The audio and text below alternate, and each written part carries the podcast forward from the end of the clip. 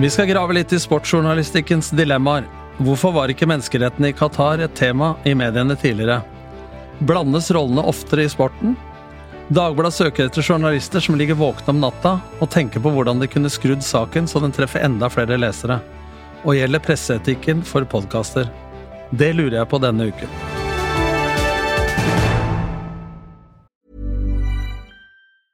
Ever a row? Dreaming of something better? Well, HelloFresh is your guilt-free dream come true, baby. It's me, Kiki Palmer. Let's wake up those taste buds with hot, juicy pecan-crusted chicken or garlic butter shrimp scampi. Mm. Hello Fresh. Stop dreaming of all the delicious possibilities and dig in at HelloFresh.com. Let's get this dinner party started. One size fits all seemed like a good idea for clothes Nice dress. Uh, it's a it's a t-shirt. until you tried it on. Same goes for your healthcare. That's why United Healthcare offers a variety of flexible, budget friendly coverage for medical, vision, dental, and more. So, whether you're between jobs, coming off a parent's plan, or even missed open enrollment, you can find the plan that fits you best. Find out more about United Healthcare coverage at uh1.com. That's uh1.com. Vel møtt til Tut og Mediekjør, podkasten for deg som liker å reflektere over hva som skjer bak kulissene i mediene, og få sneket inn litt kunnskap om presseetikk, Vær varsom-plakaten, og rett og slett hvordan journalister jobber. Og så blir det nok også litt fokus på sportsjournalistikken i denne episoden, for jeg heter Tom Nordli. Du heter Tom Nordli, du, ja. Ja, Velkommen du, til oss. vet du hvem Tom Nordli er, Eva? Jeg gjør faktisk det, Svein Tore. For eh, jeg har blitt kjent med Tom Nordli på Clubhouse, faktisk. Og det er litt av grunnen til at du er her. At vi havna i et rom der sammen. Og så ble det litt snakk om Tut og Mediekjør, og da avslørte du at du hører på oss innimellom. Vent litt nå. Altså, For de som ikke vet hva Clubhouse er, spol tilbake nå. For vi møttes på Clubhouse i et rom der. Altså, Det hørtes jo helt ko-ko Ja, altså rett og slett Vi møttes i, på et rom på klubbhuset. Ja, når du sier har gjort det. klubbhus, så høres det idrettslig ut, og da er det greit. Ja. Ja. Vi har jo snakka om Clubhouse eh, i, Ja i eh, Tut før, men, eh, men det er altså denne plattformen da, hvor folk møtes i, i digitale rom og prater. Men jeg skjønner at det kunne misforstås. Ja, For de som ikke har hørt det. Ja. Og der har du vært en del i det siste, Tom. Mye mer enn meg. Men du har vært veldig sånn eh, flink til å eh, moderere rom. For det, på Clubhouse er det sånn moderatorer, eller noen som starter rommet. De får et merke i dette rommet hvor du ser bilder av alle som er inne i rommet. Og så er det noen som styrer samtalen og kan slippe inn folk på det som de kaller scenen osv. Uh, og der har du liksom, i hvert fall eh, fra mitt perspektiv, vist en litt annen side av deg selv. Ja, En litt sånn eh, coaching, mentor, rolig Tom Nordli, som er Ja. litt annen enn den som jeg har sett på TV når jeg har uh, ramla inn på noen fotballkamper i ny og ne. ja, det kan stemme, og det Folk blir jo overraska. Altså, først blir jeg glad da, for at du både blir kalt uh, klok og reflektert og rolig. Ikke sant? Og så etterpå tenker jeg hvordan i all verden trodde de at jeg var i utgangspunktet, så blir du lei deg likevel. Men, men det er nok den som er meg, da. Eh, Bortsett fra på en måte i, i fotballkamper hvor det kan være riktig å være rolig i noen settinger, og det er situasjonsbestemt. Og så kan det være riktig å ha litt fyr i lampa i andre settinger. Men det er ikke sånn at du er sint i 90 minutter i fotball heller, men de er flinke da på sportsnyhetene til å plukke ut de ti sekundene det renner over litt. Så det- Ja, Så, det er så det, er me, ikke sant? det er medienes feil at du fremstiller som en sånn hissigpropp, eller hva det måtte være. Du er jo helt annerledes. Det er totalt eh, forvrengning er av bilder. Ja, jeg har faktisk prøvd å tenke sånn at det er medienes skyld bestandig. Men jeg har jo sett meg sjøl litt på TV, og kona har sagt sånn 'se der hvordan du er'. Det er sånn du fremstår. så, ja, men jeg har jo vært sånn, som mediene fremstiller. Men det er på en måte kanskje 5-10% av hele deg, da. Men det er kanskje det som vekker klikk og interesse i disse medietider. Ellers er det jo litt spennende det du sier, Eva, om, om eh, Clubhouse, fordi jeg er på Twitter fordi at jeg tapte et veddemål om, om antall følgere per, eh, på ett døgn kontra ett år hos en kompis. Og ja. Det har vært et diskusjonsfora på få tegn som har passa meg. Ja. Og så er det ålreit opplysning. Eh, ellers har jeg ikke hatt Instagram, Facebook eller noe som helst. Og så kom Clubhouse, og der føler jeg på en måte at eh, med stemme, da. Ja. Jeg er litt bedre verbalt enn skriftlig, føler jeg. Så får kommet fram på en annen måte og lært mye av mye, og det er mye ålreite mennesker der. Og så føler jeg at jeg får gitt noe, og det er også en glede. Og så er det noen rom som det er bråk i, men det er ikke så mange. Nei. Og så er, det lett, ja, så er det ikke så lett å være troll, da, for du må stå fram med bilde osv., og, Mm. og så er det moderatorene som bestemmer, så Det har vært positivt så langt. Og forresten, da, velkommen til Eva Sandum med hele 14 år i PFU, og Svein Tore Bergestuen med 25 års medieerfaring. Et helt liv! Et helt liv! der. Ja. Stokk innom Det, manus, ja, jeg syns det er litt morsomt. Jeg, jeg hører det hver gang. Altså, jeg veit hva som kommer fra Christian. Han har hatt litt moro med hvor mange år du har vært der. Jeg sa jo det på klubba altså. Ja, ja, ja. Jeg har vært i PFU. Jeg har 14 år. Ja. Jeg er ikke morsom, men jeg kan ha en replikk i ny og ne. Det liker jeg. Veldig bra. Men for de som ikke kjenner deg så godt, da, så må vi jo si du er jo mest kjent som fotballtrener. Mm. Eh, Jeg har prøvd å finne ut av hvilke klubber du har vært fotballtrener i. Det har vi ikke tid til, eh, Det har du ikke tid til. Det har vi ikke tid til, men det er omtrent hele lista av de lagene man kan komme på. Jeg husker deg spesielt fra Viking, fordi jeg er jo samboer med en Stavanger-fyr. Ja. Så jeg skulle hilse og si at du gjorde en god jobb med Viking da du var der. Ja, Men er, altså, ja, unnskyld, Tom. vi var jo der eh, bare i åtte uker, og laget lå jo i bånn. Og vi greide å redde det. Og det sier noe om fotballens posisjon i samfunnet, som jeg mener er kanskje altfor stor i et samfunnsperspektiv. Men når du får Bragdprisen i Stavanger Aftenblad for å redde av Viking foran folk som er redda folk fra drukning og brann og sånn, så, så det. Jeg må ta en historie, for jeg fikk prisen en gang i 1999 i Skien i Odd for å sette Skien på kartet. Og nummer to var eh, Einfrid Halvorsen, som var i regjeringa, som var leder av Mental Helse Norge. Så jeg sa vel noe sånt at eh, det er bedre at du får den plaketten der. Han var ikke noe fin heller.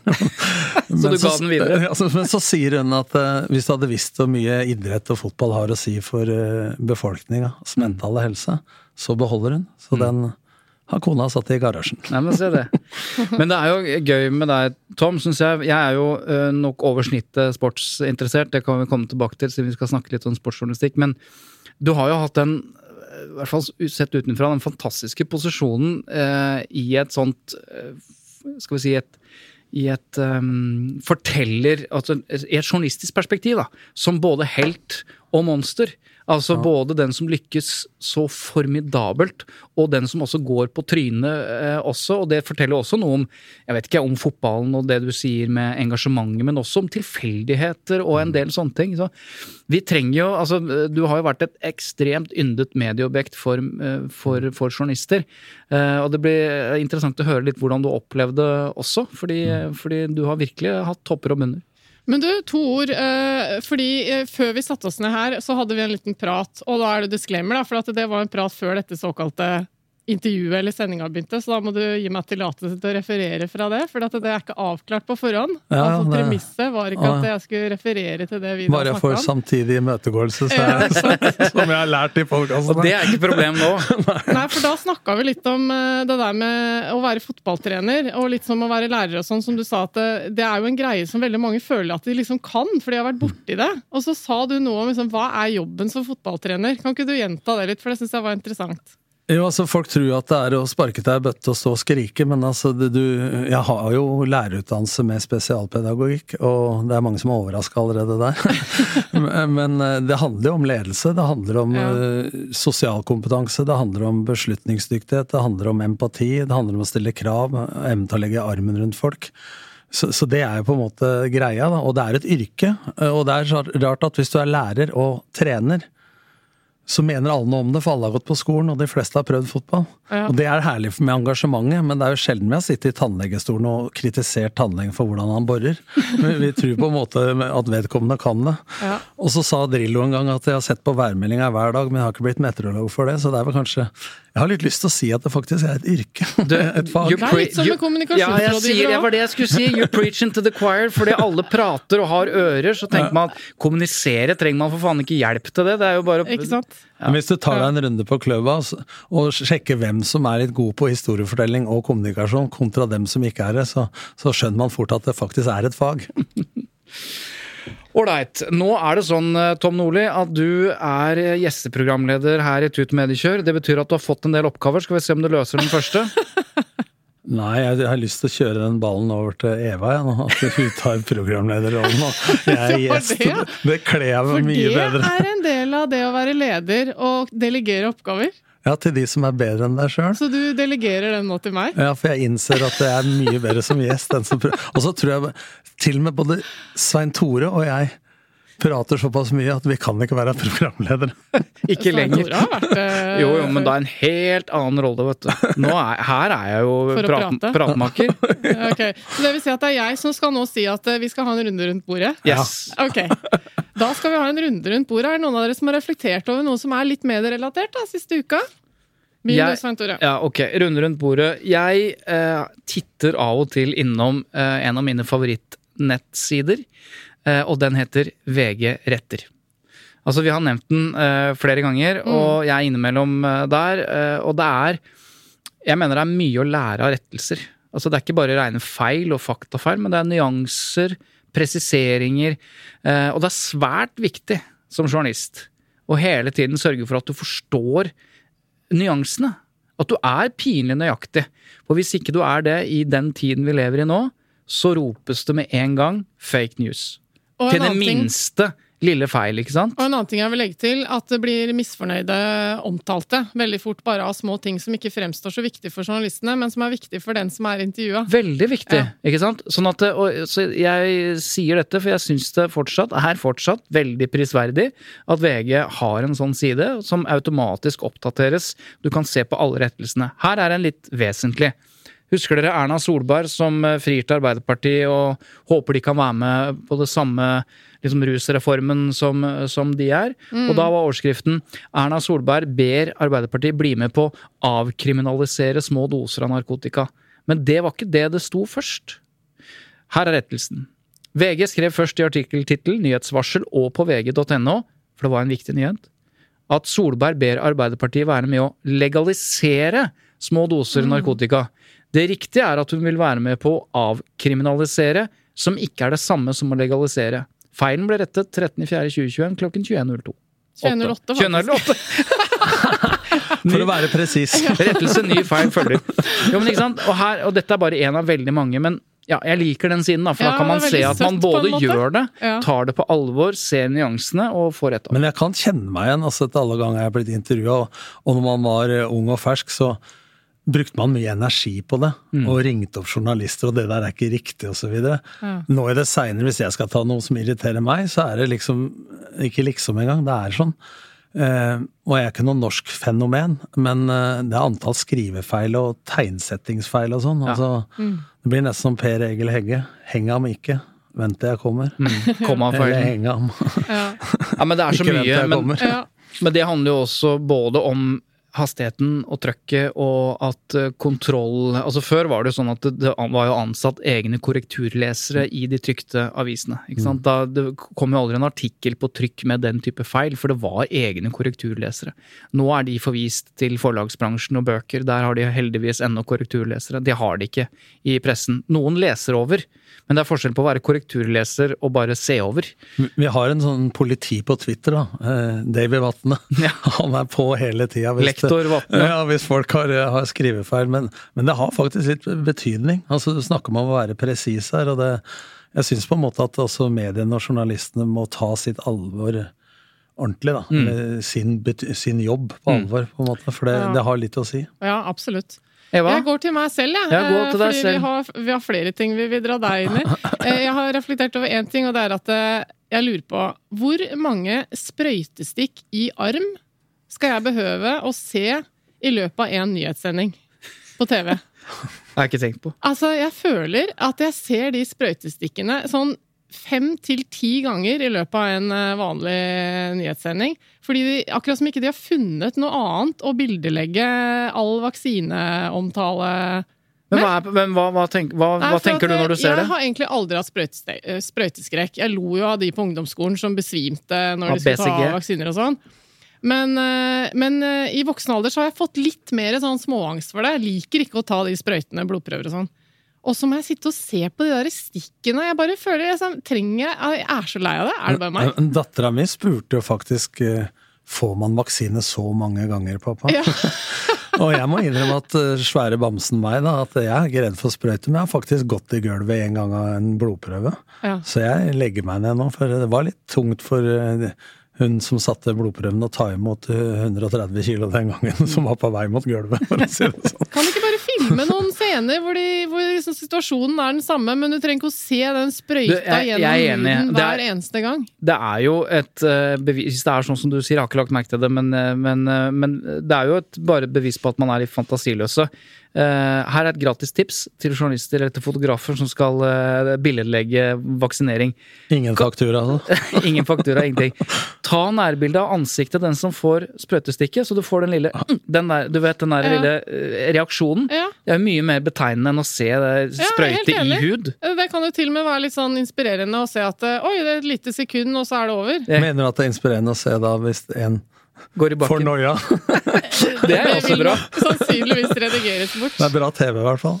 Ok, Tom, eh, runden rundt bordet kommer til deg. Hva er Det er jeg nå? som er programleder. Ja, det, Så Tom, eh, hva har du tenkt på Nei, denne altså, uka? jeg hadde tenkt å si det. Jeg hang jo meg på det der eh, med mediene og skrivefeil. Altså, det er på en måte min runde, men også var foregrip begivenhets gang med det med, med Clubhouse. På en måte Ja. at det, det har vært for meg en greie i forhold til å få vist hvem man er og hva man står for. Ja. Og så på en måte at eh, jeg er ikke så glad i de happy-go-lucky rosa-romma hvor alt er fantastisk. For folk sier fantastisk for annethvert ord, og det er like mye verdt som jeg sier unnskyld til kona hver dag i fem dager, så er ikke det verdt noe mer. Ja, det er mye sånn heiarop der inne. Ja, altså, Ja. Jeg er litt opptatt av tilbakemelding og feedback. Da hvis noen sier til meg 'bra, Tom', Mm. så vil jeg gjerne vite hva som er bra, sånn at jeg kan tenke på det, så jeg kan gjenskape og videreutvikle det som er bra.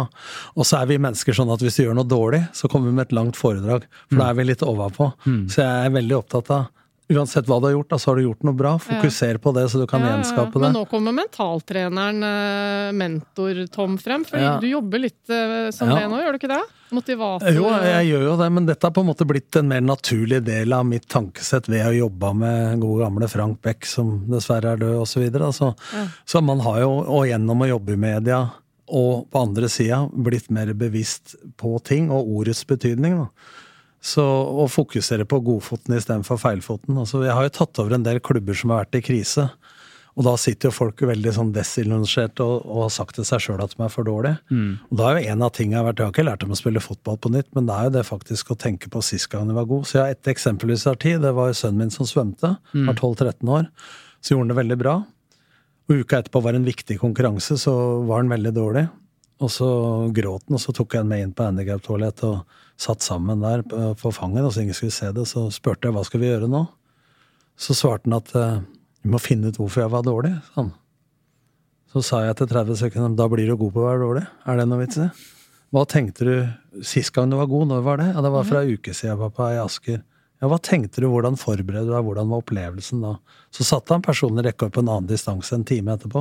Så det var ikke noe feil med formen. Men det var et veldig bra tips, egentlig, overfor barn. Det der. Ja, Men det var ikke noe feil med, med formen hans. Nei, Men det var noe feil med hvordan han tenkte. Ja, Men det har, fascinerer meg har litt. han da. godkjent nå at du forteller denne historien om han på Nei, han har ikke fått tilsvarsrett, og ikke samtidig imøtegåelse. Så det, Men han er sånn halvveis anonymisert eh, gjennom at du ikke har sagt hvem han er. ja, så han får få litt eh, lompenger. da. Kom igjen. Men er dere, vi skal snakke mye om eh, sportsjournalistikk. Vi har veldig mye vi lurer på. Noe annet ville vært dumt eh, når vi har deg her, eh, Tom. Uh, så Tore, du har jo skrevet bok om uh, litt sportsfolk og sånn, så du har litt greie på sportsjournalistikken, uh, du også? Ja, det er mange som skriver bøker om ting de ikke har det spøtt greie på, men, eh, Men så, Nei, men jeg har skrevet uh, to bøker om våre sportshelter. Uh, både biografi og om de største sportsøyeblikkene. Og så har jeg jo uh, en veldig interesse for sport, Tom. Ikke, ikke så stor fotballinteresse som gærningene har, men generelt, og så er det nok vinteridrett som jeg er mest interessert i. Men men det har i hvert fall gjort at eh, jeg har hatt noen opplevelser. Jeg har jo dekket eh, OL i Nagano i 1998, VM på ski, VM på fotball dekket jeg. VM på fotball. I heter det. Um, og da gjorde jeg meg noen tanker om sportsjournalistikken. Jeg var jo selv nyhetsjournalist og oppdaget at det var et annet, skal vi si, et annet klima, en annen måte å tenke på i sportsjournalistikken for 20 år siden enn det var i nyhetsjournalistikken. Og jeg, hadde, jeg har fortalt en episode uh, i en tidligere episode, eh, som uh, da, i VM i, på ski i 1999, Tom, i Ramsau. Eh, og da var det en greie med Thomas Alsgaard. Han hadde vondt i ryggen, skada ryggen, skulle operere, jeg vet ikke. Og for Jeg er så gammel jeg, at jeg husker det. du husker det, ja? Og da var det åp For meg som nyhetsjournalist, så, ville, så lurte jeg jo på dagen før han skulle gå et viktig renn, hvordan den ryggen var. Så, så jeg kom i prat med en sportsjournalist, jeg skal ikke nevne hvem det var, men, og så, sa, så ble han helt sånn Ja, men du kan ikke spørre om det. Så jeg skjønte ikke Hva da? Kan jeg ikke spørre om ryggen hans? Han er jo kanskje skada. Ja, men han blir så sur. Så det, da bare går han. Så det, det er ingen som spør om det. Jeg trodde han tulla. Altså, så jeg kom jo dit. Jeg var da videojournalist. Jeg hadde kamera på den ene skuldra, mikrofonen i den andre hånda, liksom var ganske sånn naivistisk tilnærming. Og sånn, Hvordan går det med ryggen? Han snudde tvert og gikk. Og det var jo da, da sto det liksom sju-åtte journalister rundt han, og de eh, Det var jo ikke noe gøy for dem heller at han gikk, ikke sant? Så det var jo derfor advarselen kom. Du må ikke spørre om det. Og etterpå så kom da hans eller han presserådgiver, ned på TV 2 eh, der jeg satt og Eller kommunikasjonsrådgiver. Ja, eh, og, og sa du må ikke, du må ikke Det klippet, det, det må du ikke vise. Altså, men, men det har jo ikke du noe med, liksom. Det er jo mi Nei, det må du ikke gjøre. Ja, hvor, hvorfor ikke? Nei, det, da, blir hele, det, da blir han sur. Og da vil han ikke snakke mer med deg. Ja, men jeg har ikke noe behov for å snakke med ham mer. Så jeg, når jeg kommer tilbake, så er jeg nyhetsjournalist igjen, så det er ikke noe fare. Så jeg var litt oppesen. Jeg var jo bare noen og tjue år da, men poenget var i hvert fall Har ikke lagt sånn fra deg den uh, egenskapen helt. Nei. Det verste med den historien, Tom, det er jo at uh, jeg hadde skrudd opp eksponeringa på intervjuet så dårlig, og lyden var så dårlig at jeg kunne rett og slett ikke bruke klippet i det hele tatt. For jeg, det gikk jo en faen i meg hvis pokker skal jeg vise det klippet når jeg først blir trua med et eller annet. Men, Men så- det er altså ikke publisert. Nei, det ble aldri publisert. Av andre men, grunner. men poenget For jeg var så dårlig til å filme. Men poenget er i hvert fall da oppdaget jeg at det var noen andre måte, regler i sportsjournalistikken. da Mm. Det er en veldig anekdotisk historie. Men, Men da- jeg skulle ønske at jeg opp, eh, nesten ønske at jeg opplevde det sånn som du sier det. Mm. For jeg har opplevd at de ikke tar hensyn til det i det hele tatt når det gjelder meg. Ja. Mm. altså det, det er min historie, men jeg skjønner hva det Men er det noe som heter sportsjournalistikken og nyhetsjournalistikken, eller er alle journalister, eller Jeg har på følelsen at sportsjournalister blir sett litt ned på i bransjen også, da. Ja. At det er bare de gutta og jentene med capsen bak fram. Ja, altså, det, Om de blir sett ned på, må Svein Tore eventuelt svare på. øh, Men jeg, jeg er enig med deg at det virker som det i hvert fall er en egen gren innenfor journalistyrket som har litt sånn andre regler og normer, og det har jeg lyst til at vi skal finne litt ut av. Mm. Men jeg tror patroismen, da. Ja. Patrioismen på en måte at du liker å se Norge vinne og så videre, da. Det, det tar kanskje den der supporteren og heia-personen i deg, tar litt overhånd for det som egentlig er jobben din, da. Hvis jeg skal bare gjette og ta en betraktning. Jeg tror du har helt rett, og, og jeg har snakket med Reidar Solli, som er leder, eh, leder av Sportsjournalistene. Det er en forening som eh, sportsjournalistene er, er, eh, er medlem i, og, og han har jo vært det siden 1998. Så jeg spurte han litt om liksom, utviklingen og for så vidt også opprinnelsen til sportsjournalistikken, og han, han er inne på akkurat det du snakker om, Tom. La oss høre Reidar Solli. Det korte svaret på det er at den er blitt mye mer eh, litt mer bevisst på kritisk distanse. Eh, nok, det er vel det siste tiåret hvor det har vært størst andel av såkalt kritisk sportsjournalistikk i forhold til hva det var før eh, århundreskiftet. Jeg er jo såpass nerd at jeg liker egentlig ikke å kalle det sportsjournalistikk, men jeg liker å kalle det journalistikk om sport. For det er det, det skal være. Bare i navnet sportsjournalistikk så ligger det jo en slags binding, syns jeg da. Men den er jo litt historisk betinga. At, eh, at sportsjournalistikken starta ved at det var sportsinteresserte mennesker som ville promotere sport i mediene. Men eh, de siste 20 årene så har det jo da eksplodert, eh, særlig gjennom nettet, i og med at eh, eh, nettavisen har fått en helt annen rolle, og nettjournalistikken en helt annen rolle enn den hadde før århundreskiftet.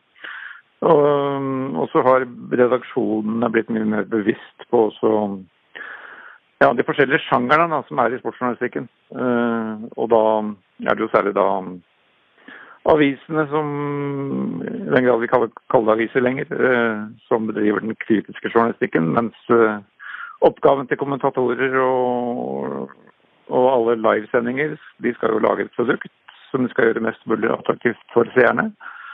Eh, Så Derfor er det være viktig å være bevisst på alle sjangerne som er innenfor denne felten for journalistikk. Det var altså Reidar Solli.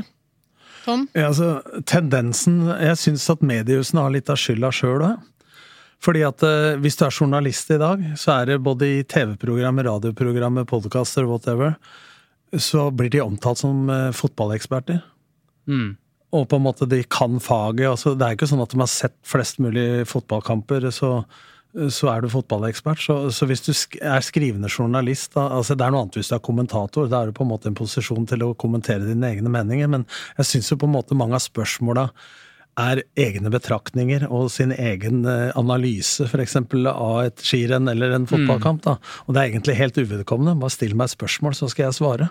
Så jeg syns på en måte den blir kalt fotballeksperter, men de er journalister. Så jeg syns man har litt skylda sjøl òg, sett fra min vinkel. Ja, men det er interessant det der, for at eh, det er jo mye sånn eh, overganger fra uh, verv og jobber i sport sportsstillinger, altså trenere og sånn, til at man plutselig er kommentatorer i mediene og da har en journalistrolle, på en måte. Ja, da er du inne på liksom, Og den der glidningen der att og fram, da, mm. den blir jo kritisert veldig i politikken. Mm. Ja, det, Du er inne på to av det jeg oppfatter som utfordringene til sportsjournalistikken. Det ene er det vi var inne på, at det er en for stor nærhet og en avhengighet til utøverne.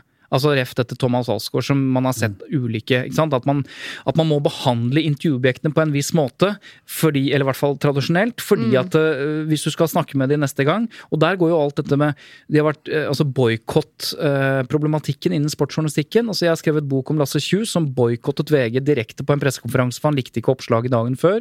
Eller andre som har prøvd å boikotte enkelte medier. fordi du er jo helt avhengig av å snakke med Ole Gunnar Solskjær, så hvis du har pissa han off, som det heter, så får opp trøbbel. Så den bind, det, altså det der nærheten og avhengigheten til utøverne, det er en utfordring. Og så er det det du sier, Eva, bindingene. At man går rett og slett eh, fram og tilbake over forskjellige typer roller. Men jeg har hatt en sånn rolle sjøl. Jeg var jo mentaltrener for Ada Andrine Hegerberg.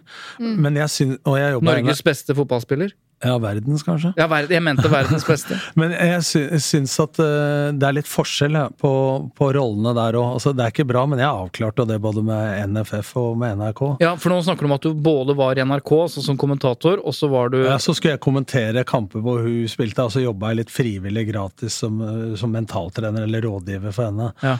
Men det er klart, jeg syns det er litt forskjell allikevel på om du er såkalt ekspertkommentator. Min jobb er jo på en måte å forklare spillet, hva som skjer. Mm. Eh, og det, det, jeg ser ikke på meg sjøl som noen journalist da, som skal på en måte eh, stille kritiske spørsmål osv. Jeg skal på en måte forsterke de TV- eller radioøyeblikkene eh, som er, da, faglig sett innenfor fotball. Mm. Og så er det selvsagt en sånn greie at hvor mye informasjon har jeg for vedkommende, hva kan jeg bruke og så ikke. Mm. Og da er det opp til min eh, profesjonalitet, på en måte. Da. Men jeg ser den. Men hvis du ikke hadde hatt noen bindinger, f.eks. i Fotball-Norge, da, Mm. Ingen der skulle vært fotballeksperter, så skulle du gravd langt ned i haugen for å finne de ekspertene. Og, ja, ja. og i og med at journalistene sjøl kaller seg og blir kalt av mediehusene som uh, fotballeksperter ja. Jeg snakka med Petter Wæland som jobber uh, i Viasat. Og han blir jo kalt fotballekspert, og han sa på klubben altså Vi hadde et sånt rom om rollene. Ja. Forskjell på sidekommentator, kommentator, studio osv. Og, så og han kan mye fotball, men han er først og fremst en formidler av det som skjer, altså en hovedkommentator. Og han ville ikke bli kalt fotballekspert, så han var ganske bevisst på det. Det syns jeg var litt ålreit å høre. Ja. Men det er jo medienes hang og, og, stadig kav etter å finne såkalte eksperter. Det gjelder jo også innenfor det området vi jobber med, Eva. Altså kommunikasjonseksperter kan jo bli over en lav sko. Du får USA-eksperter. USA-eksperter. Men det er vel ikke noe beskytta tittel? Nei, ekspert er Langt men, men jeg tar et eksempel om coach. Da. Når folk sier mentalcoach, jeg det litt å gjøre om det på CV-en min til å si samtalepartner. Mm. For at hvis du tar NLP-utdannelse, ikke disse en utdannelse Hva er NLP-utdannelse? Ja, Det er sånn der mentaltrenerutdannelse. Ja, okay. Sertifisering. Mm. To års utdannelse, eksamen, vel og bra. Mange flinke. De kan kalle seg coach. Ja, fire år på idrettshøyskolen. Jeg var førsteavdelings-PSP. Jeg jobba ti år i skolevesenet. Jeg har jobba med psykisk utviklingshemma, eh, med fysisk, eh, på, i Ullersmo landsfengsel. Eh, og jeg har vært trener i 31 år. Men jeg kan ikke kalle meg coach. Det er noe riv ruskende gærent her i samfunnet. Bare for å snakke på min egen syke mor i ti sekunder. Ja. Nei, for Det er jo flere eksempler eh, på sånn eh, potensiell rolleblanding. da. F.eks. Kåre Ingebrigtsen, som var fotballtrener og ble sparka fra RBK og var i rettstvist. Eh, som ble brukt journalistisk overfor etterfølgeren eh, i etterkant. Det er jo blitt kritisert i mediene. Eh, og så er det tidligere landslagssjef Åge Skinstad som samarbeida med Norges Skiforbund også gjennom det internasjonale vervet i FIS, da, eh, og var toppsjef for Swix, og har vært Discoverys OL-ekspert osv. Det er en del sånne kan, ting som Der kan jeg snakke for NRK, da. Ja. Og det er mulig det er litt striksere, men jeg hadde ikke anledning til å kommentere det laget jeg hadde trent siste året. Mm. Jeg vet at Tor Ole Skullerud, som var i andre kanaler, bevisst sjøl ikke ville kommentere det siste laget han har trent. Men jeg har jo sett eksempler på både Kåre og Kjetil Rekdal og flere som på en måte det er ikke noe feil med dem, men de har på en måte hatt ledning til å sitte i studio eller i kommentatorplass og på en måte rose eller kritisere Ja. når det er et kvarter siden de gikk av jobben, Ja. for å si det sånn. Ja, nei, det er Det er, det, er mange, det er mange, ikke sant. Altså, eh, vi kunne nevnt Peter Northug, som har dobbeltroller. eh, Vi kunne nevnt Ja, i TV 2, for han var kommentator eller TV 2-ekspert, på en måte, i uh... og ansatt i Skiforbundet. Ja, ikke Eller sant? i har ikke, men har ikke TV 2 følt seg nødt til å legge fram det var det jeg skulle si. Altså, og det er mulig det er flere som har gjort det, men TV 2 har gjort det litt mer som prominent plass. De har sagt her er våre eksperter, her er våre sportsprofiler, og her er alle deres bindinger. Og det er jo for så vidt løsningen på det, for jeg er enig med deg, Tom, at hvis man skulle liksom ikke ansatt eller engasjert noen som hadde en eller annen form for dobbeltroll i sporten, så øh, ville vi ikke hatt tilgang til de For de vi har nevnt nå, er jo ekstremt dyktige folk, ikke sant? Eh, Men TV 2 har da gjort det på den måten at de har sagt her er bindingene, her er profilene. Her, så åpenhet er jo løsningen på akkurat det bindingsproblematikken, da, tenker jeg. Mm, men det som jeg syns er interessant, er jo at eh, Veldig fint at man har en sånn side, veldig ryddig, eh, og de som er opptatt av problematikken, kan gå inn der og få oversikt osv. Og, en annen ting med det er jo eh, hva som eventuelt blir synlig der og da, når det sitter et menneske og kommenterer eller driver en slags journalistisk virksomhet. Og ikke i øyeblikket i studio informerer om det overfor alle de folka som tilfeldigvis har ramla inn i en eller annen sending og ikke vet om. For at det, veldig mange av de navnene vi nå diskuterer innenfor sportsjournalistikken, er folk jeg ikke har veldig forhold til. ikke sant? Så, så det som er eh, kanskje viktigst, hvis det er et veldig problematisk eh, liksom sånn øyeblikk hvor eh, man plutselig er, prater om noe som uh, veldig mange vet, men allikevel ikke alle, at man har, en- så må det på en måte tas der og da. da.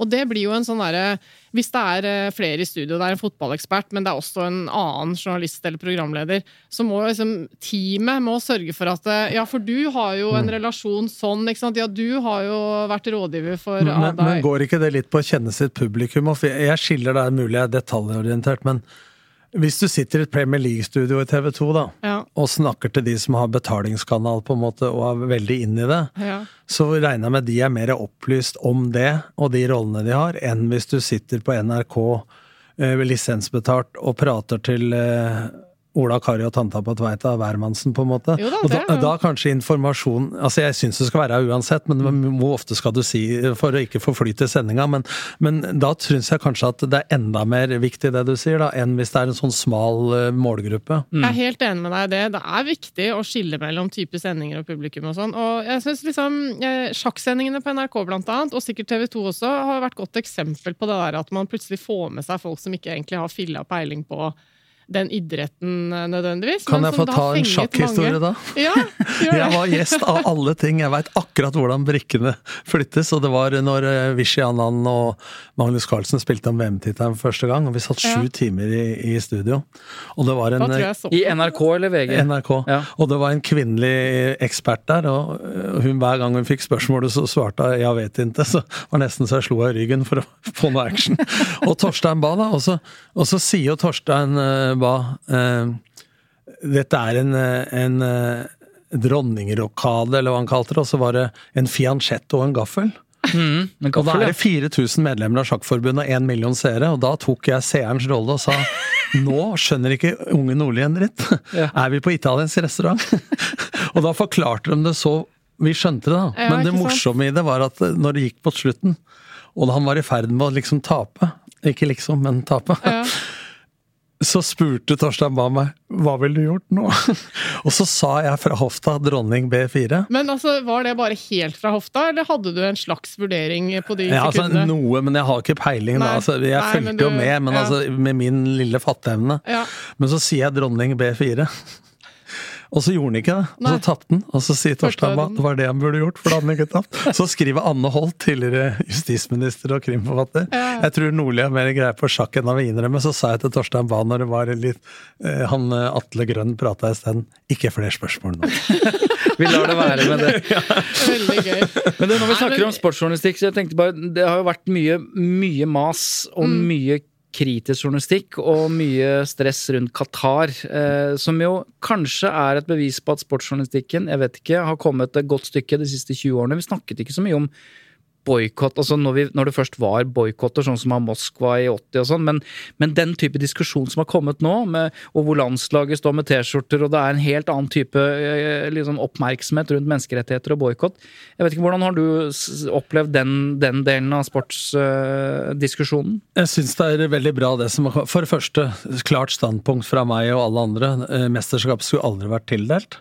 Mm. Jeg savna journalistikk rundt da mesterskapet blei til det. Det er mulig jeg husker litt dårlig, men at det ikke var mer trøkk rundt det da. Ja, helt enig i det. Mm. Og så når det først eh, har blitt tildelt, og vi skal begynne med kvalik osv., så, videre, så så blei det nesten så ensidig, syns jeg, at hvis du var imot boikott, så var du på en måte helt politisk ukorrekt. For å ta livet av arbeidere? Ja, ja, da var du liksom mm. nesten drapsmann. Eh, så på en måte, så at de utsatte den beslutninga om boikott, og som Per Amn Omdal, tidligere president i Fotballforbundet, sa, la oss få flere ting opp på bordet, så vi har større grunnlag til å ta beslutninga. Mm. det er ikke det noe trøst, men Bangladesh og andre land har mye verre forhold for det, og det rettferdiggjør ikke dem som har mista livet.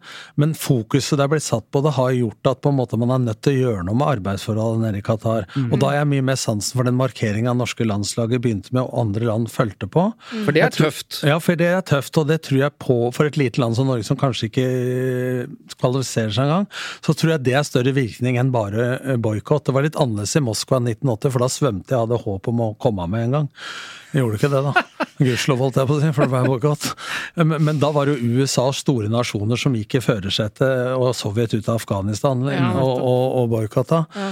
Så jeg syns på en måte at det blei litt sånn ensidig, og, og det blei sånn at hvis du mente noe annet Og det er litt sånn kommunikasjonsrådgivere er dere. Og det er ikke for å disse Terje Svendsen, president, eller Bjerketvedt, som har tidligere vært i NTB.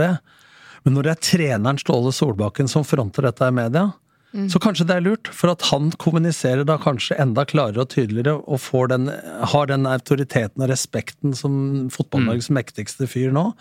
Så han tok den som kanskje vel naturlig at andre ledere tok, da. Mm. Så om det er bevisst eller ikke, veit ikke jeg, men jeg syns da på en måte at det var en game changer i forhold til hvordan allmennheten så på saken. Da. Men jeg er helt enig, jeg, men det er viktig å se på hvem har hvilke roller her. ikke sant? Dette er jo TV-rettigheter, og man kan tenke at hvis, hvis, alle som hadde rettigheter til det, og journalister og, og TV-hus og medieselskaper, alle boikotta det, så ville, ville ha en effekt. Men eh, som du sa, du savna journalistikken eh, da det ble tildelt. Det var journalistikk, har vært journalistikk hele tiden, men kanskje ikke så prominent. Men, men poenget er at hva er rollene til fotballklubbene? Hva er rollen til, til liksom supporterne? Om supportere i Bergen sier nei til Qatar? Altså, Boikott er jo primært en symbolsk effekt. Det har som regel ingen reell effekt. Men når vi snakker om medienes rolle, så mm. mener jeg at medienes rolle er å dekke det. Eh, og hvis alle mediehus hadde snudd ryggen til Qatar og si boikotter, hadde hatt veldig liten effekt i forhold til den effekten det har å være til stede og drive kritisk journalistikk. Det er rollen til journalister, og det mener jeg. Eh, så boikott, og selv Amnesty, som har greie på hva de snakker om, de sier ikke at det er noen enkel løsning på det. De, er, de vil ikke anbefale en boikott, de vil heller ikke advare mot en boikott. De er åpne, det finnes ulike virkemidler. Men Beijing har hatt OL. Ja. Og jeg har jobbet i Amnesty, så jeg vet hvor mange de tar livet av hvert eneste år. De tar eh, i snitt livet av nesten 10 000 mennesker uten rettergang. Eh, henrettelser. De er by far de liksom helt verste. Eller, eller mm. Alexander Kristoff som sykler med UEA på brystet. Og, og, på en måte så er det det har noe med posisjonen til idretten, hvor stort det er, hvor mye trøkk det blir rundt fotballen. Da. Men tenk tilfellet, la oss si det blei boikott nå. Mm. Ville norske mediehus sende kampene? Ja, det blir et kjempedilemma. Ja, det er et dilemma, men eh, det spørsmålet jeg stiller meg, er eh, eh, hvorfor var det ikke mer dekning i mediene rundt problematikken i Qatar da Qatar ble tildelt For det var så lenge til. Ja, for det, det er noe med det. Altså, er ikke det litt medias rolle? Men det var det. Ja, Var det det? Ja, det var det. Ok, Da er det jeg som ikke fulgte med. Både NRK og TV 2 og flere aviser var det drev dekning ja, det var Dette med fremmedarbeidere og deres manglende rettigheter okay. har blitt dekket. Nei, men ikke på lang ja, men ikke, ikke det trøkket som er nå. Nei, men hvorfor er det trøkket nå? Og da kan man si at det er positivt. Mm. Det er positivt at vi får en diskusjon rundt det, for det, det gjør jo at veldig mange flere i veldig mange flere land forstår alvoret og sånn, men det er jo som du sier, det er litt seint nå. Men er det, Mm. er det liksom supporterklubbene og klubbene som skal ta initiativet i Tromsø på at det skal boikottes, eller bør på en måte regjering og idrettsforbund og fotballforbund eh, sette en standard for saken? da? Det kommer an på om du vil være moralsk og ha Ja. symbolske meninger, eller om du faktisk er opptatt av det. Der vil jeg bare gå så langt som å si at, vet du hva, at supportere eh, liksom skal vaske hendene sine og si at det er alt annet enn boikott er galt, liksom. Ja. Jeg vet da. Altså Ok, vi må videre etter hvert fra, fra sporten, men eh, jeg har veldig lyst, før vi går videre til andre ting, Tom, å høre noen historier. Har du noen eh, gode historier fra din opplevelse med journalister opp gjennom åra, eller? Mange episoder skal vi ha? To-tre? Eh, make it short and sweet. jeg tenkte mange episoder av podkasten. Ah, ja. Men jeg kan begynne med kanskje det mest graverende som jeg har opplevd når jeg slutta i Start i 2006 og kom hjem til, til gården til kona i, i Skien.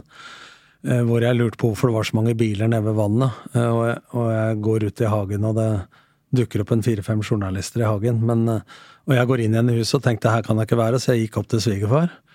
Og så kommer det en taxi inn på gården med en ikke edru journalist Uh -huh. som ringer på og spør om jeg var hjemme. Hvor vedkommende dytter kona inn i speilen i entreen og går inn i huset og leiter etter meg. Og da kunne jeg sikkert fått han sparka. Jeg sa send en blomst til kona, ikke gjør det igjen, så er det greit. Det var kanskje noe av det mest graverende. Ja, det kan jeg levende forestille meg. Sånn, da. Eller så går det jo på sånne historier hvor journalister stiller et spørsmål som varer i to minutter, med sine betraktninger, og da pleier jeg retorisk å si skal vi møtes til lunsj i morgen, og du spanderer, for dette trengs tid. Det er det Ja, for det har jeg lagt merke til. Det er du litt opptatt av. Ja. Eh, altså Sportsjournalister som, som, eh, altså, som klager over at intervjuobjektene ikke leverer, eksempel. Eh, Ja, det Se spørsmålet til Erling Braut Haaland, da. Når han sto foran 70 000 før det var korona, i svingen eh, på stadionet i Dortmund. Så sier journalisten, eller ja, Det var vel en kul opplevelse. Så svarer jo han ja.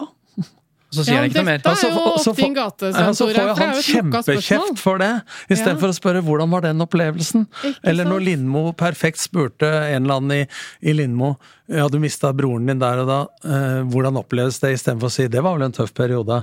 Og når du spør meg da, hvis jeg, jeg har gjort det dårlig, da, og de tror jeg skal sparkes, så, så stilte de meg spørsmål hvor lenge kan du leve med dette, Nordli? Ja, skal vi si 1. august? 3. september? Hva vil du være fornøyd med? Dette her er jo som eh, Eva antyder, musikk i mine ører. For dette er jo nettopp, og enda viktigere i sportsjournalistikken, at du ikke stiller ja- og nei-spørsmål med masse premisser og foreslår noe svar til de som Hva faen skal de si, da? Ja eller nei, eller kanskje eller nei, ikke i dag? Men hva lærer meg? Lærer meg at alle HV-spørsmål er bra? Det har jeg lurt på noen ganger. Du må, du må tilbake til premisset ditt. Hva lærer de? Altså, det, er noe, det er ikke noe opplæring i intervjuteknikk. Altså, de lærer noe på Journalisthøgskolen, de som har vært der, og så går de inn i en kultur, i en redaksjon. Og hvis den redaksjonen og den kulturen har bevissthet rundt dette, så lærer du bra ting. Da lærer du å stille åpne spørsmål. Kan du beskrive? Fortell. Beskriv. Hva mener du? Hvordan da? Mens i andre kulturer så handler det om å si ja, er det sånn at du spiller for dette laget fordi det egentlig er sånn og sånn? Nei. Å nei, ok, takk for nå. Så, Men, Ja, men En morsom historie til slutt på radio, da. Ja. Når vi er i en podkast, så må jeg forklare det bildet. Men en, vi tapte 2-1 mot Vålerenga med Lillestrøm på Åråsen.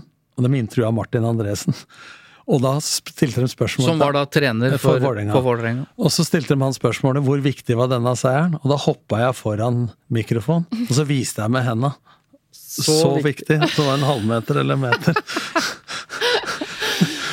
Nå skal det sies da at det er vanskelig å være sportsjournalist, for de må jo stille noen av de samme spørsmålene hele tiden. Og vi må, kan jo ikke gå fra sportsjournalistikken nå, uten å komme inn på det. Fordi spørsmålet 'hva føler du nå?' etter en seier osv. er jo i utgangspunktet et jævlig godt spørsmål.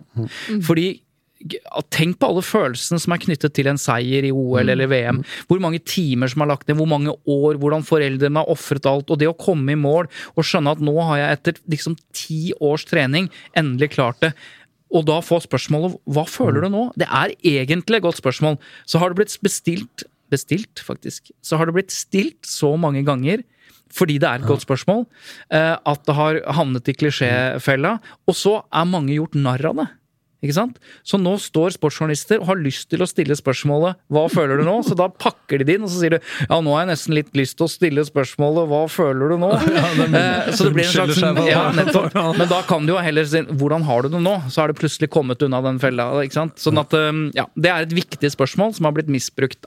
Men sånn veldig kort, eh, Tom. Hva syns du om norsk eh, journalistikk om sport, sånn helt overordna? Bare for å lage noen tabloide overskrifter, eventuelt. Nei, jeg syns på en måte Ikke på en måte, men jeg syns at før, når man kom inn i garderoben eh, eller hadde pressekonferanse, så blei det sånn teknisk sone hvor alle journalistene kunne stå sammen. Og så stiller et mediehus deg et spørsmål, og så står det en med capsen bak fram fem meter bort og får med seg en halv setning, og så lages det sak av det. Og så blir det viktigere på en måte å være først enn å Nå sa jeg på en måte igjen. Mm. å være først enn at det er sant. Og det spres jo i en Men stort sett så jeg har veldig respekt for de som er kritiske mot meg, så lenge de tar ballen og ikke mann. Ja. Ja, og så er det jo øhm, Men forresten, før vi avslutter. Uh, Reidar Solli, som er leder av Sportsjournalistene. Jeg, jeg stilte han også spørsmål ikke bare om hvordan sportsjournalistikken har utviklet seg, men øh, siden vi har deg her, om han, øh, hva, han, hva han tenker om, øh, om din rolle Hva som syns om deg? Ja, egentlig hva han syns om deg. Skal vi se hva han øh, sier om Nå er det. jeg spent. Ja, han er en av de, de typene som har hatt roller på begge sider av bordet. I og med at han har både vært sidekommentator i NRK, og, og han er veldig bevisst på og har mye kunnskap om hvordan, hvordan mediene jobber. Eh, Det har sikkert han, sikkert han utnyttet på, på sitt vis, på en, på en positiv måte. Han har sikkert også hatt noen, noen, kanskje noen bitre er- erfaringer.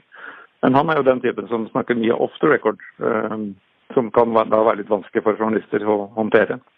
Men han, er han, han er jo en eh, If you thought the only way to get a more defined jawline with natural looking results was through surgery, think again. Juvederm Volux XC is a non surgical injectable gel filler that improves moderate to severe loss of jawline definition and can help you achieve natural looking results with little downtime. Even better, this improved definition lasts up to one year with optimal treatment. No maintenance required. Improve jawline definition for a smooth, sculpted look with Juvederm Volux XC. For important safety information and to find a licensed specialist, visit juvederm.com. That's J U V E D E R M.com. Not for people with severe allergic reactions, allergies to lidocaine, or the proteins used in Juvederm. Common side effects include injection site redness, swelling, pain, tenderness, firmness, lumps, bumps, bruising, discoloration, or itching. There's a risk of unintentional injection into a blood vessel, which can cause vision abnormalities, blindness, stroke, temporary scabs, or scarring. Talk to a licensed specialist to find out if it's right for you. Ever catch yourself eating the same flavorless dinner three days in a row? Dreaming of something better? Well, HelloFresh is your guilt free dream come true, baby. It's me, Kiki Palmer. Let's wake up those taste buds with hot, juicy pecan crusted chicken or garlic butter shrimp scampi. Mm. Hello Fresh. Stop dreaming of all the delicious possibilities and dig in at HelloFresh.com. Let's get this dinner party started.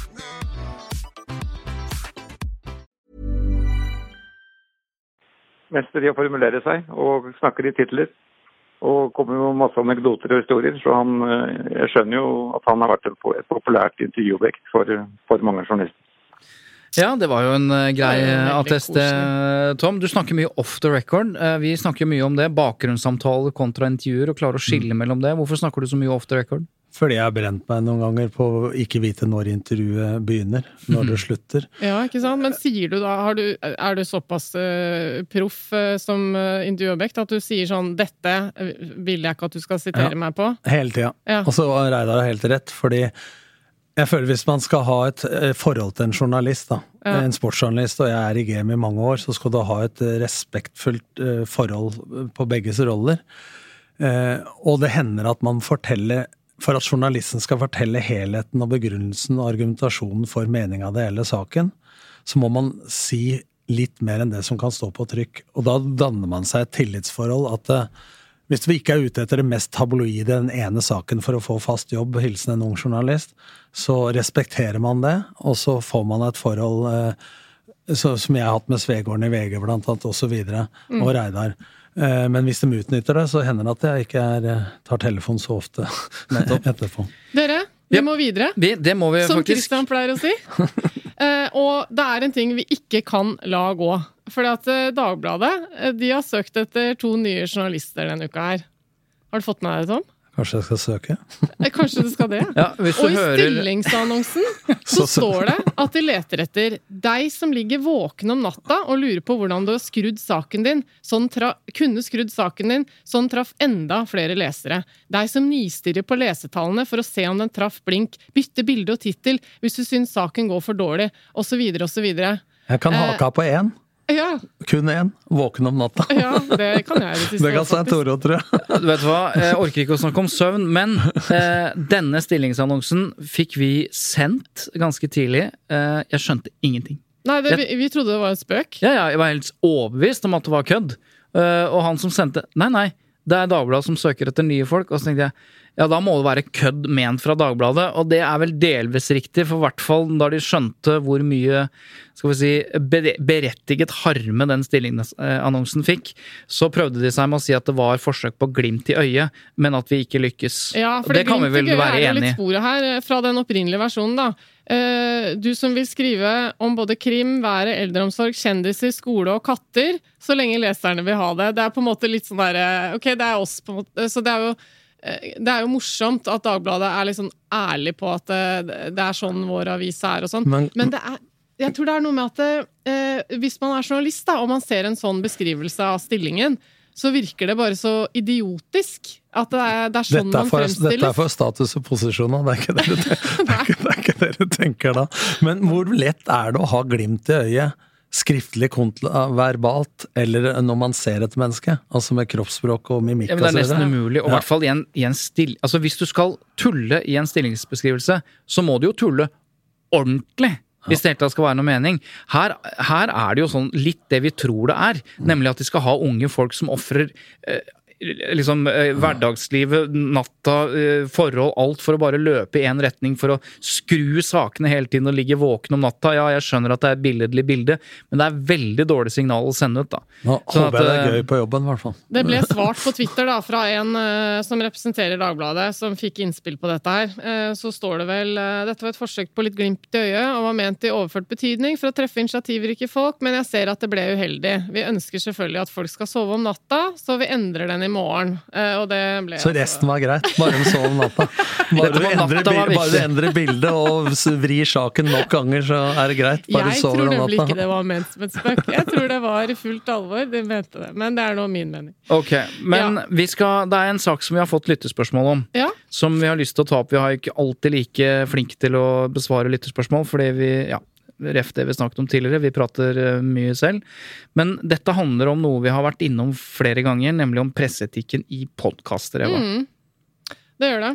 Det er en uh, lytter vi kommer tilbake til, for han har spørsmål om en litt mer konkret uh, podkast også, som vi kan uh, ta etter hvert. Men uh, han lurer kort og godt på eh, hva som egentlig er forskjellen eh, på podkaster som kommer fra de etablerte mediehusene, og vanlige podkaster, sånn som f.eks. denne, da, som ikke har noen sjefredaktør eh, fra noe mediehus. Ikke sant? Så i prinsippet så er det ingen som bestemmer hva som er innafor og utafor hos oss, bortsett fra at vi kan presseetikken ganske godt, prøver å holde oss innafor. Mm. Eh, men det her er det mange som lurer på. Tom, lurer du på det?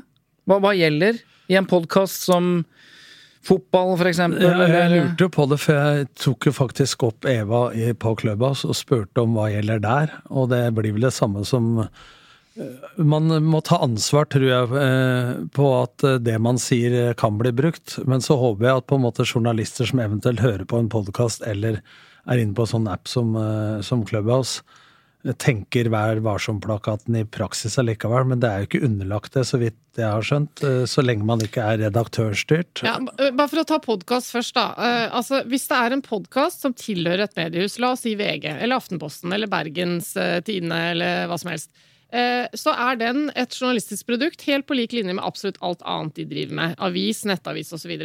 De forholder seg til akkurat de samme reglene. Så det er greit. Det, eh, de må følge samtidig imøtegåelser og tilsvarsrett og, og alle andre hensyn som er nedfelt i Vær varsom-plakaten. Det som er litt mer uryddig, er jo de podkastene som eh, ikke tilhører mediehusene. Og så fins det noen som Det er ikke nødvendigvis uryddig. Nå sier du at vi er uryddige. Nei, bare bare er, ved å være vår blotte uryddig. eksistens. Det som er forvirrende for publikum, kanskje potensielt. For, f.eks. Bauer Media, som er eier av flere radiokanaler. Mm. Altså tradisjonelle radiokanaler som vi har hørt på i mange år. Eh, De har jo nå en egen podkastplattform også, som heter Podplay.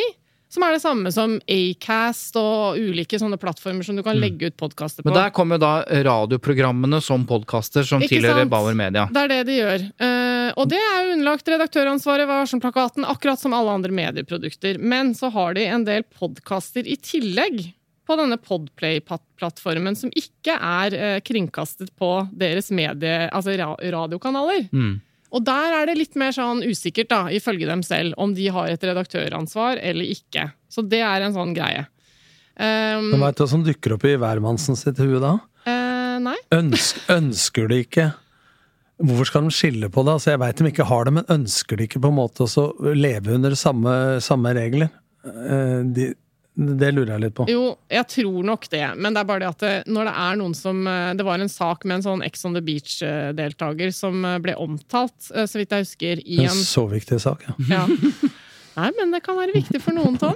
Ja, greit. Som ble omtalt i sånn ikke helt heldig ordlag i en eller annen litt mindre podkast på denne plattformen, og da ble det en diskusjon om hvorvidt de hadde dette ansvaret eller ikke. Men det som er, um, eh, det som er i hvert fall reglene, er jo at eh, du kan jo klage inn en podkast til PFU, vi snakker jo mye om Pressens faglige utvalg. Eh, og de som kan klages inn der, er jo egentlig bare de som er medlem av Presseforbundet, altså de mediene som er medlem av Presseforbundet. Og hvis du har lyst til å klage på en publikasjon, en podkast, et eller annet som ikke er det, eh, så kan ikke PFU behandle den klagen, med mindre den som er innklaget, aksepterer det. Nettopp. Og da er det på tide å ta Så lyttespørsmålet. bare, jeg må bare si en ting. Ja. Hvis du har lyst til å klage på Tut og Mediekjør, så kan Bare du det. drit i det. Men da må PFU spørre oss i Tut og Mediekjør om vi aksepterer å bli behandlet.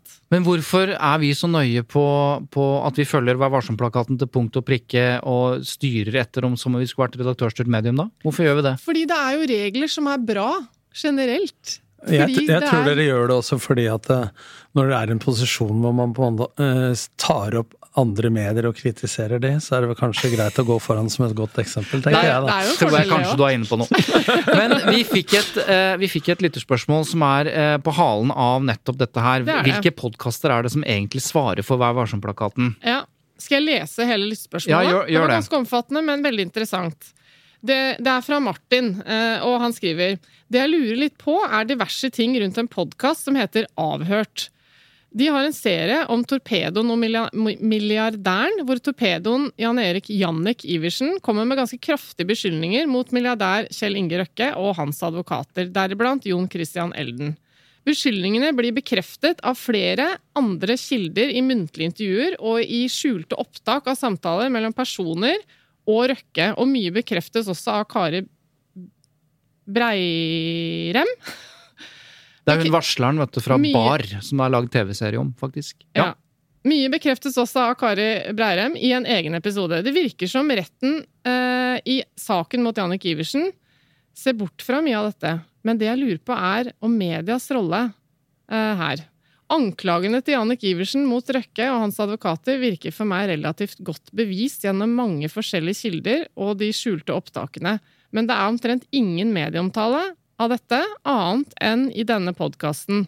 Og, skriver han, i Vær varsom-plakatens punkt 1.5 står det det er pressens oppgave å beskytte enkeltmennesker og grupper mot overgrep eller forsømmelser fra offentlige myndigheter og institusjoner, private foretak eller andre. Er dere våkne? Ja, jeg har gjort hjemmeleksa, sier han. Ja, Ja, bra. Kom igjen. Hvorfor omtales ikke denne historien, spør han. Kan podkaster som Avhørt bli klagd inn til PFU? Det var jo det vi akkurat var inne på. Grunnen til at jeg lurer, er at denne podkasten ofte sier at de forholder seg til Vær varsom-plakaten med bl.a. samtidig imøtegåelse og lignende, men må de forholde seg til det? Dette er jo, eh, Vi har jo besvart dette nå eh, litt før eh, spørsmålet kommer, men la Mm. oss svare helt tydelig på det.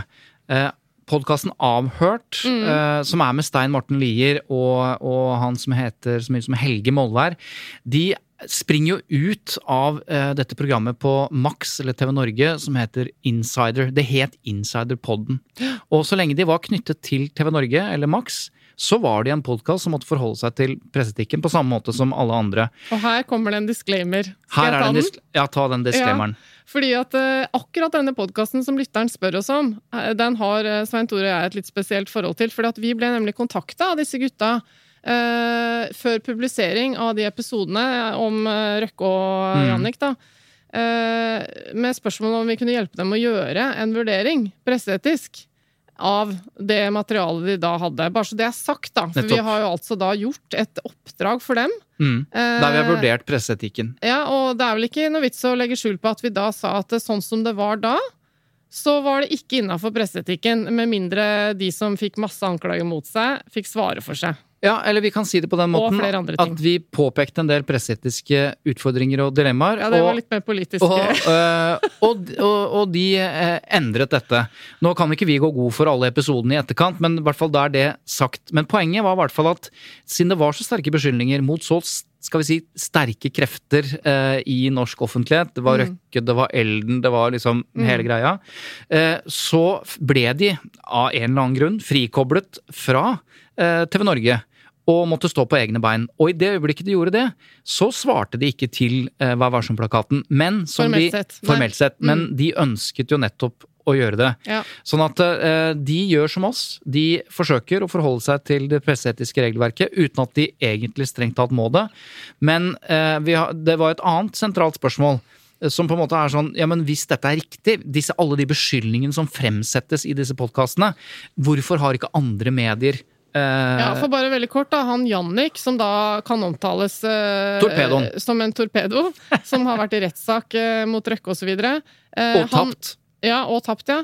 Han har jo da fått svare eh, for veldig mye. Han sitter og prater i denne podkasten veldig uavbrutt, så dette er jo en fremstilling av hans versjon hvor han kommer med masse Jeg hørte jo på episoden. Ja, jeg hørte på det, og jeg veit jo ikke hvem som har gjort hva, men det Nei. ble jo sånn at eh, den var jo såpass ensidig at du blei sittende og holde med den ene, ene sida. Og det var jo på en måte helt til han gikk inn porten på Ullersmo, eh, Mm. så hadde de jo lyd. Så det er en stund siden nå, men, men jeg hørte det. Men, men vil dette føre til, det lurer jeg på da, vil dette føre til at podkaster som ikke er redaktørser osv., har man noe ønske fra podkastsida å komme under Vær varsom-plakaten? Kan det lages noen regler, lover om det? Ja, jeg tror det er mulig å gjøre det. Og jeg, og jeg tror at de fleste seriø de som lager seriøst innhold, eh, som Avhørt gjør, så kan man diskutere formen og balansen i det og sånn, men, men de fleste er jo interessert i å bli tatt på alvor, og derfor er det fint å kunne forholde seg til et regelverk. Så jeg tror de fleste er interessert i det. Og så har du disse hybridene, eh, altså podkaster som er skravlepodkaster som slenger ut eh, sladder og, og påstander og så videre. De er nok ikke slike interessert i det, men alt som Nei. har med true crime å gjøre, og alt som er historiefortelling, de er nok interessert i det. Det er litt sånn utfordring det der, for de som fortsatt er små eh, Jeg tror det er litt sånn at størrelse teller her, ikke sant? At det er jo sånn, det har vært snakka mye om Tusvik og Tønne, mye som gikk veien, gikk opp den veien for veldig mange, da. Som aldri har vært underlagt noe redaktørstyrt medie. Og som har fått en del kritikk for en del sånne eh, sånn, ting som folk mener har vært overtramp. Mm, eh, og når de har blitt store, så kommer de ikke unna med det lenger. For at mediene følger med, det blir kritisert. ikke sant? Mens småpodkaster fortsatt kan slenge dritt om Gud og hvermannsen, og det går helt under radaren. Ja. Men det som skal sies er at det foregår et arbeid nå med en nyoppretta forening som heter Norsk Podkastforening, og der er både medier og altså podkaster fra mediehus og uh, uavhengige podkaster representert. Altså, jeg tror det jobbes med en potensiell sånn podkast-vær varsom-plakat. Det, det står på agendaen i denne foreningen. Men for å avslutte, Tom, denne Avhørt-podkasten som du eh, også har hørt, eh, så spurte jeg Stein Morten Lier eh, om hvorfor, nettopp spørsmålet fra lytteren. Hvorfor har ikke dette blitt omtalt? For man kan jo ane en litt sånn at VG tar presseetikken mer på alvor, øh, Aftenposten gjør det, så de vil ikke fremsette disse beskyldningene, fordi det er presseetisk problematisk.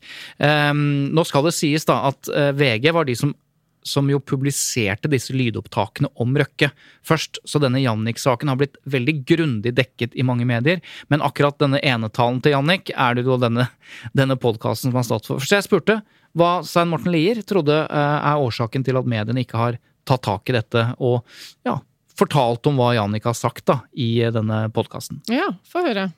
Jeg tror det er flere grunner til det. For det første så er jo vi en direkte konkurrent med mange av de store mediehusene. De har jo sine egne podkaster. Og jeg tror kanskje på mange måter at de kvier seg litt for å gi oss mye oppmerksomhet, for det vil jo også være en reklame for vår podkast, da. Så jeg tenker at det er en av grunnene. En annen årsak er nok det at uh, dette er jo en gammel sak, og det har vært skrevet uh, mye om det opp gjennom årene. Så det er nok mange medier som tenker at uh, denne saken har vært dekket. Men vi har jo kommet med nye opplysninger, og vi har på mange måter satt hele saken sammen, slik at nå får du helheten, da, istedenfor litt sånn bruddstykker tidligere. Så det overrasker meg litt, kanskje, at eh, de ikke har eh, vist noen som helst interesse for å skrive om det.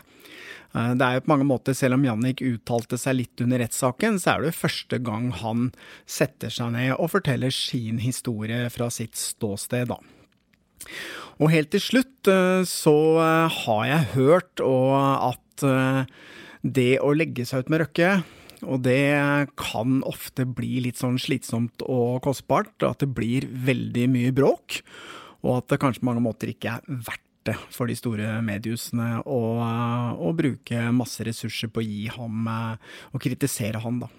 Ja, så det første er jo, er jo klassisk, at man ikke vil omtale andre fordi de gir reklame. Eh, og det ja. andre poenget var jeg inne på, at, eh, at, det er en omtalt sak, men han overraskes litt over at ikke, at ikke noen allikevel tar opp de nye tingene.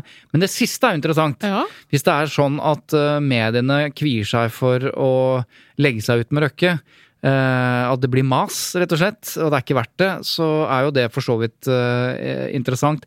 Nå burde vi kanskje hørt da med redaktørene hvorfor de ikke har sitert denne avhørt-podkasten, ja, men Det hadde vært fint å høre hva, hva mediene mener om den påstanden, men det kan ikke blandes med at de har rett til å svare i form av samtidig imøtegåelse, for det er ikke en påstand som er direkte og faktuell mot en avgitt person. Nei, så hvem skulle fått person? samtidig imøtegåelse da? Alle sammen? Det. Ja. Men det hadde absolutt vært interessant å høre om det stemmer, ja. Men jeg tror Eh, altså, i hvert fall sånn som eh, Det er jo ikke ukjent at uh, Kjell Inge Røkke, når han virkelig kliner til mot journalister Det fins jo Det er dokumentert også trusler.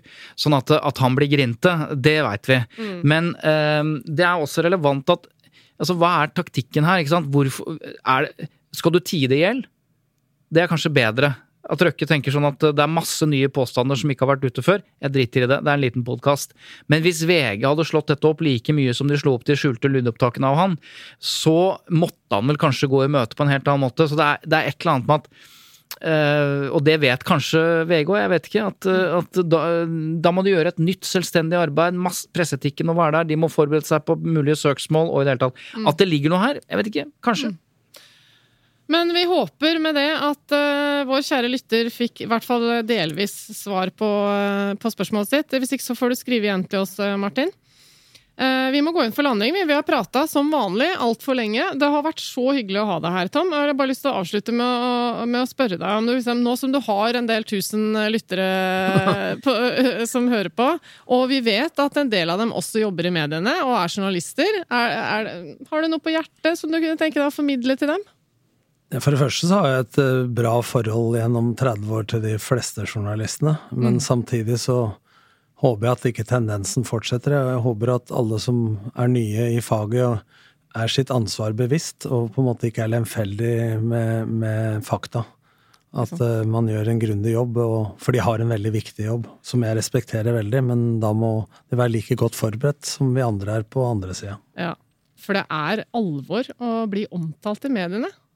Det, ja, ja, det, tror jeg journalister kan glemme når de har jobba en stund. Ja, det er mange som higer etter å komme på TV og, og, bli omtalt. Og så kan vel vi som har vært der nok, eh, tenke at eh, det er noen ganger du skulle tenkt at jeg eh, skulle ønske jeg slapp. mm. ja. Dette er vel noe av det tror jeg, aller viktigste læringen for journalister og redaktører. Det er å forstå mer av hvordan intervjuobjekter og de som blir omtalt, har det.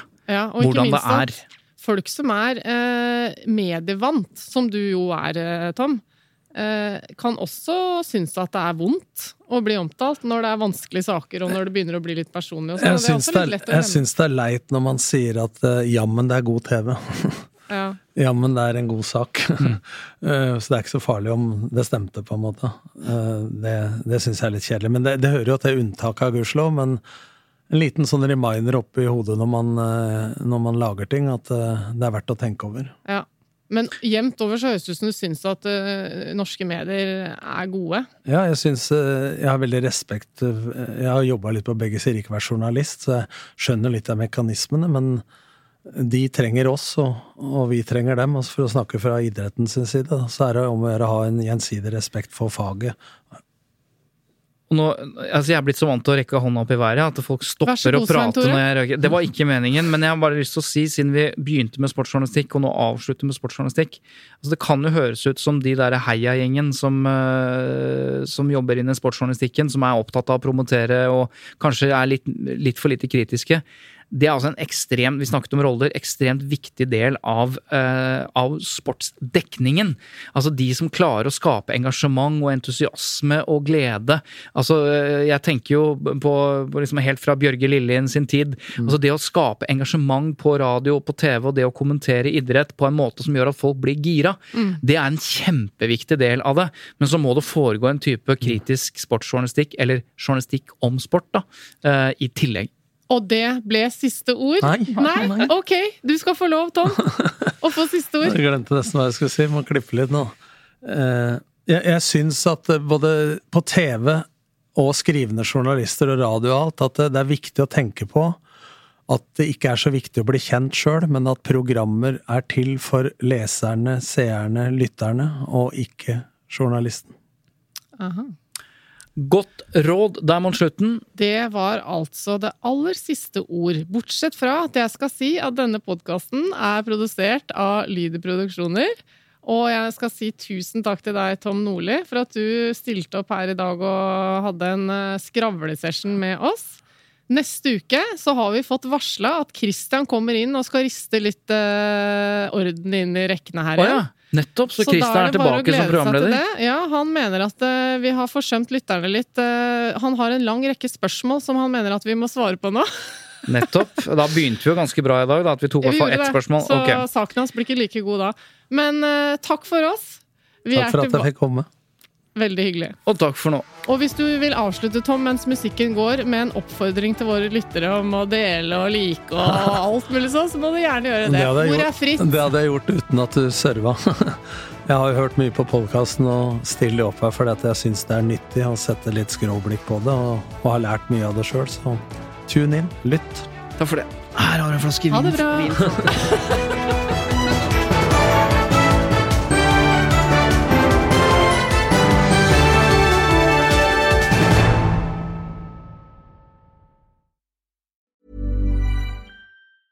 Ever catch yourself eating the same flavorless dinner three days in a row? Dreaming of something better? Well, HelloFresh is your guilt-free dream come true, baby. It's me, Kiki Palmer. Let's wake up those taste buds with hot, juicy pecan-crusted chicken or garlic butter shrimp scampi. Mm. Hello Fresh. Stop dreaming of all the delicious possibilities and dig in at HelloFresh.com. Let's get this dinner party started.